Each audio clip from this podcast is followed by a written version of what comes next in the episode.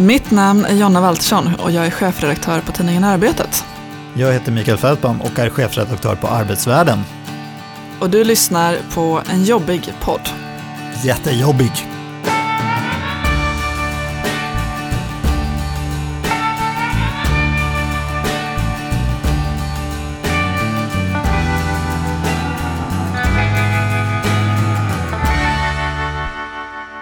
Ja, du, det är väl så att första maj arbetarrörelsens dag närmar sig. Mm. Ska du ut och demonstrera eller? Ja, men jag, jag tycker ju att det är en dag eh, där, där jag tycker att det är kul, kul att eh, följa vad som, vad som sägs och hörs. Så det är antingen så kommer jag åka in till stan och titta på någon demonstration för att lyssna på tal, eller så håller jag lite koll hemifrån. Jag har inte riktigt bestämt mig än. Eh, mm. så.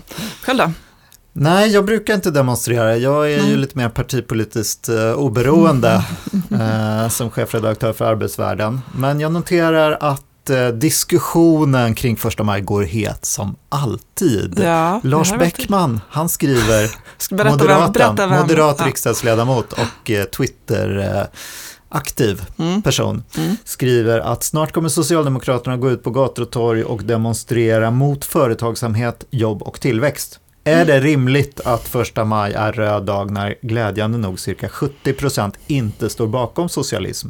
Borde politiken ta bort den röda dagen helt och istället välja en dag för hela svenska folket som ledig dag? Mm. Oväntat att en moderat är arg över första maj.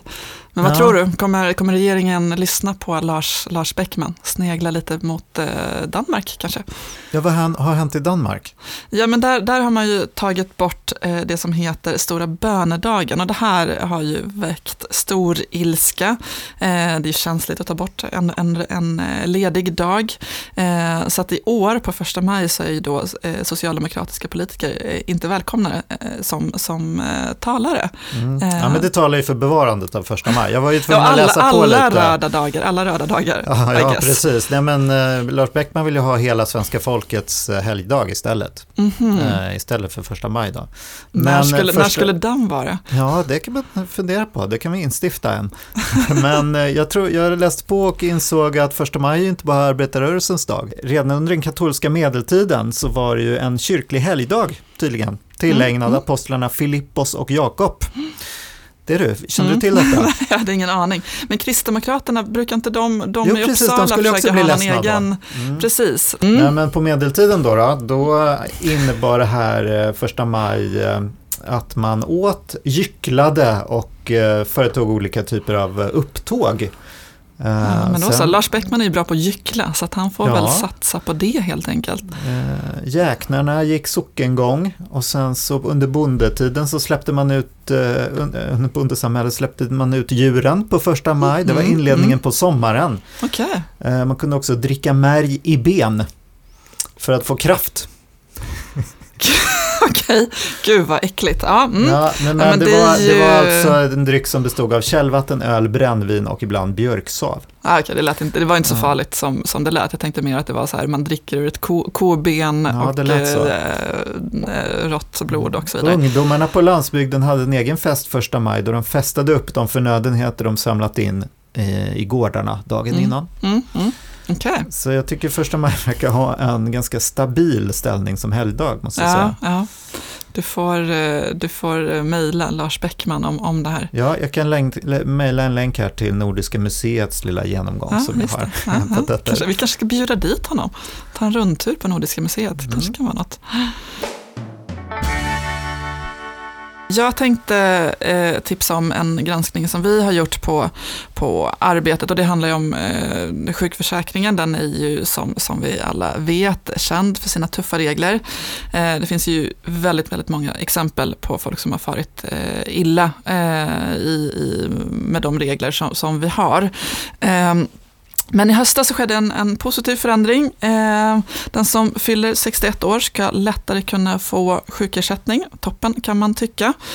Och eh, på politikerlingo så har ju det här då kallats för trygghetspension eller äldreventil. Det låter ju jättebra. Och det är väl bra för de som kan få det.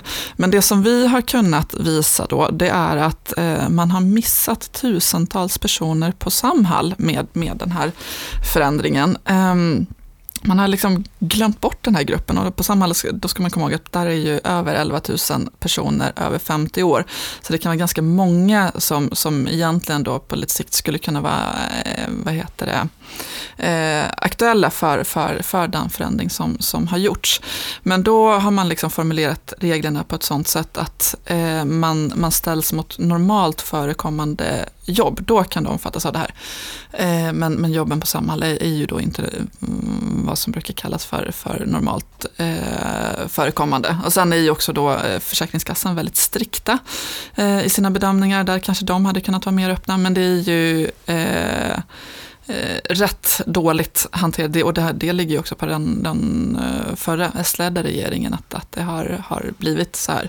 Man Just jag hoppas att det inte till... ligger på utredaren, för det har för mig var Samuel Engblom, TCOs före detta samhällspolitiska chef. Det beror nog kanske på vem du frågar. Frågar du Kjell Rautio, mm. eh, så skulle, eh, som ju är välfärdsutredare på, på LO, dock nu tjänstledig för att skriva, skriva bok, så skulle han eh, i alla fall säga att han önskade att man hade eh, tagit med det här i utredningen. I LOs remissvar eh, till utredningen så pekar man ju också på, på just det här att man borde ha eh, ja, men, sett till en större grupp. Det hade, det hade gått att konstru konstruera det här lagförslaget på ett annat sätt så att det hade omfattat även de som jobbar på, på Samhall.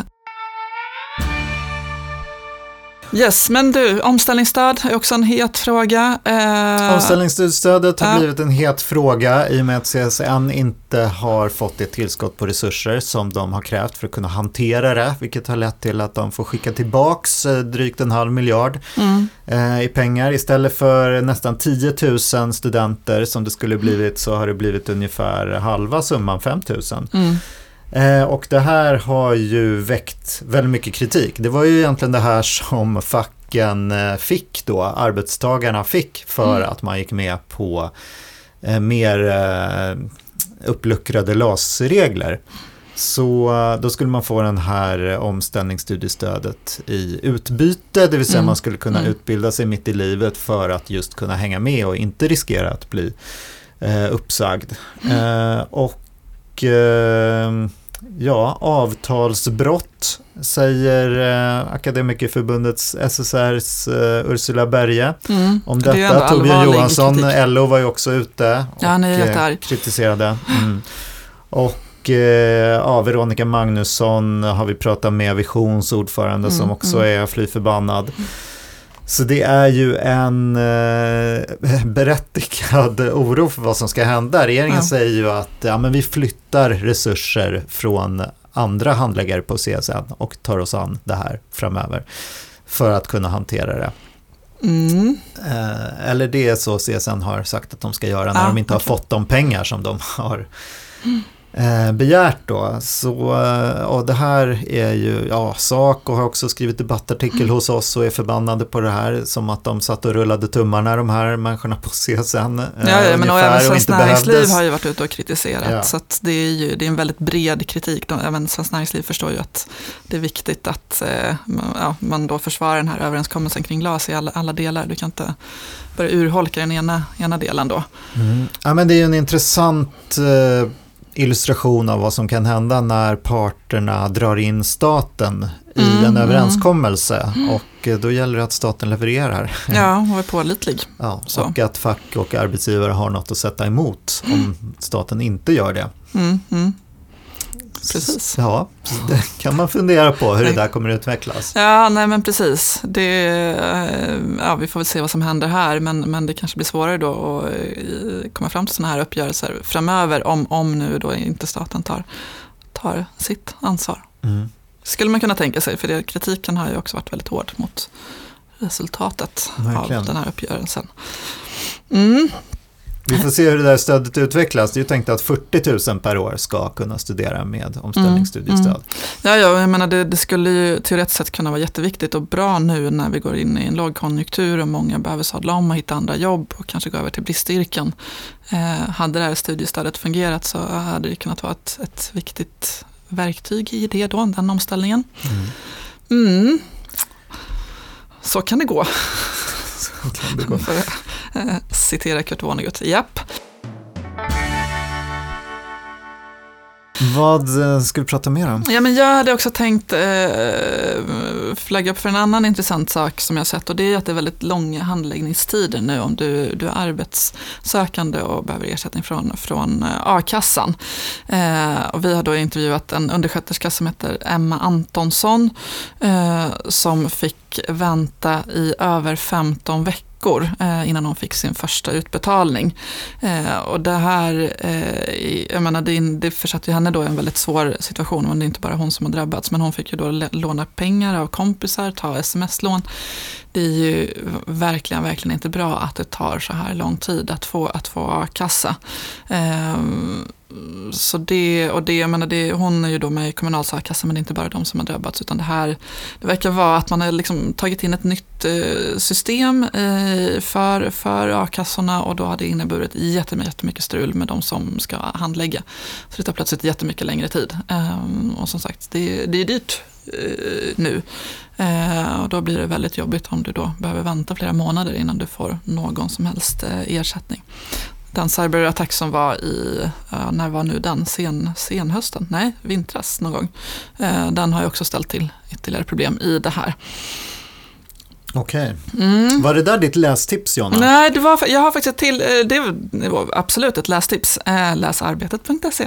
Men, men jag hade faktiskt tänkt tipsa om en annan eh, jätteintressant artikel som eh, Handelsnytt har, har publicerat som handlar om skyddsrum. Eh, det är ju oroliga tider nu. Eh, det kan ju vara så eh, att i framtiden också blir krig i Sverige, det får man väl hoppas eh, att det inte blir. Men, men om en fiende skulle vilja slå ut försörjningen av mat och medicin i stora delar av Sverige, vart ska man, vart ska man gå till attack då? Har du någon idé? Nej, Nej. mot åkrarna. Nej, lagerområdet i Enköping skulle vara ett effektivt mål. Eh, för här hanterar man Bra det mycket tips. matförsörjning. precis, tips till Ryssland, varsågod. Eh, här, här hanterar man mycket mat och mediciner. Eh, lagerarbetarna som jobbar här de har ett eh, samhällsviktigt jobb men de saknar själva skyddsrum. Eh, det här tyckte jag, alltså, det, det, det låter ju supernördigt eh, men jätte, jätteintressant artikel eh, som jag verkligen tycker att eh, alla ska läsa. Mm. Själv då, vad är det för, för tips för veckan? Ja, jag har väl inte riktigt någon sån här god läsning, men jag hoppade ändå på en grej här i morse som jag såg att lönerna för sjuk sjuksköterskor eh, ligger under märket i nio regioner. Hur är det möjligt? Ja, det undrar man ju. Eh, Vårdförbundet har ju sifferlösa avtal och det är väl ett sätt att eh, försöka och egentligen få lite mer än märket. Ja. Men, här, men tydligen så är det i nio regioner som, i Sverige som man faktiskt har fått under märket mm. nu. Mm. Ja, det låter ju oerhört dumt. Ja, alltså... det kallas ju då för ett självskadebeteende från arbetsgivaren. Ja, det kan man ju, kan man, kan, kan man ju kanske hålla med kan om. Man kanske eh, med tanke på vilket bristyrke det är och hur eh, många regioner skriker efter efter personal. För det har ju vi skrivit om mm, på arbetet också, just att det finns eh, bonusar att hämta eh, mm. om du flyttar upp till kommuner som eh, ja, men i, i norr framförallt, där man verkligen saknar, saknar personal och skriker efter folk. Mm. Ja men precis, Så. jag vet inte om det har med att göra att det gick väldigt bra förra året, att det är något sånt att man håller igen nu, men det, det verkar ju helt eh, vansinnigt du, ja. med, i ett sånt bristyrke. Ja. Ja, så det kan ni kolla in. Det är Vårdfokus som har skrivit om detta. Ja, spännande. Den ska definitivt jag läsa i alla fall. Mm. Bra. Då är vi klara för idag. Ja, ja. och eh, vi, ses, vi ses väl igen om två veckor Jonna, eller? Jag hoppas det. Ja, bra. Ja, fint. Tack. Hej, Hej då.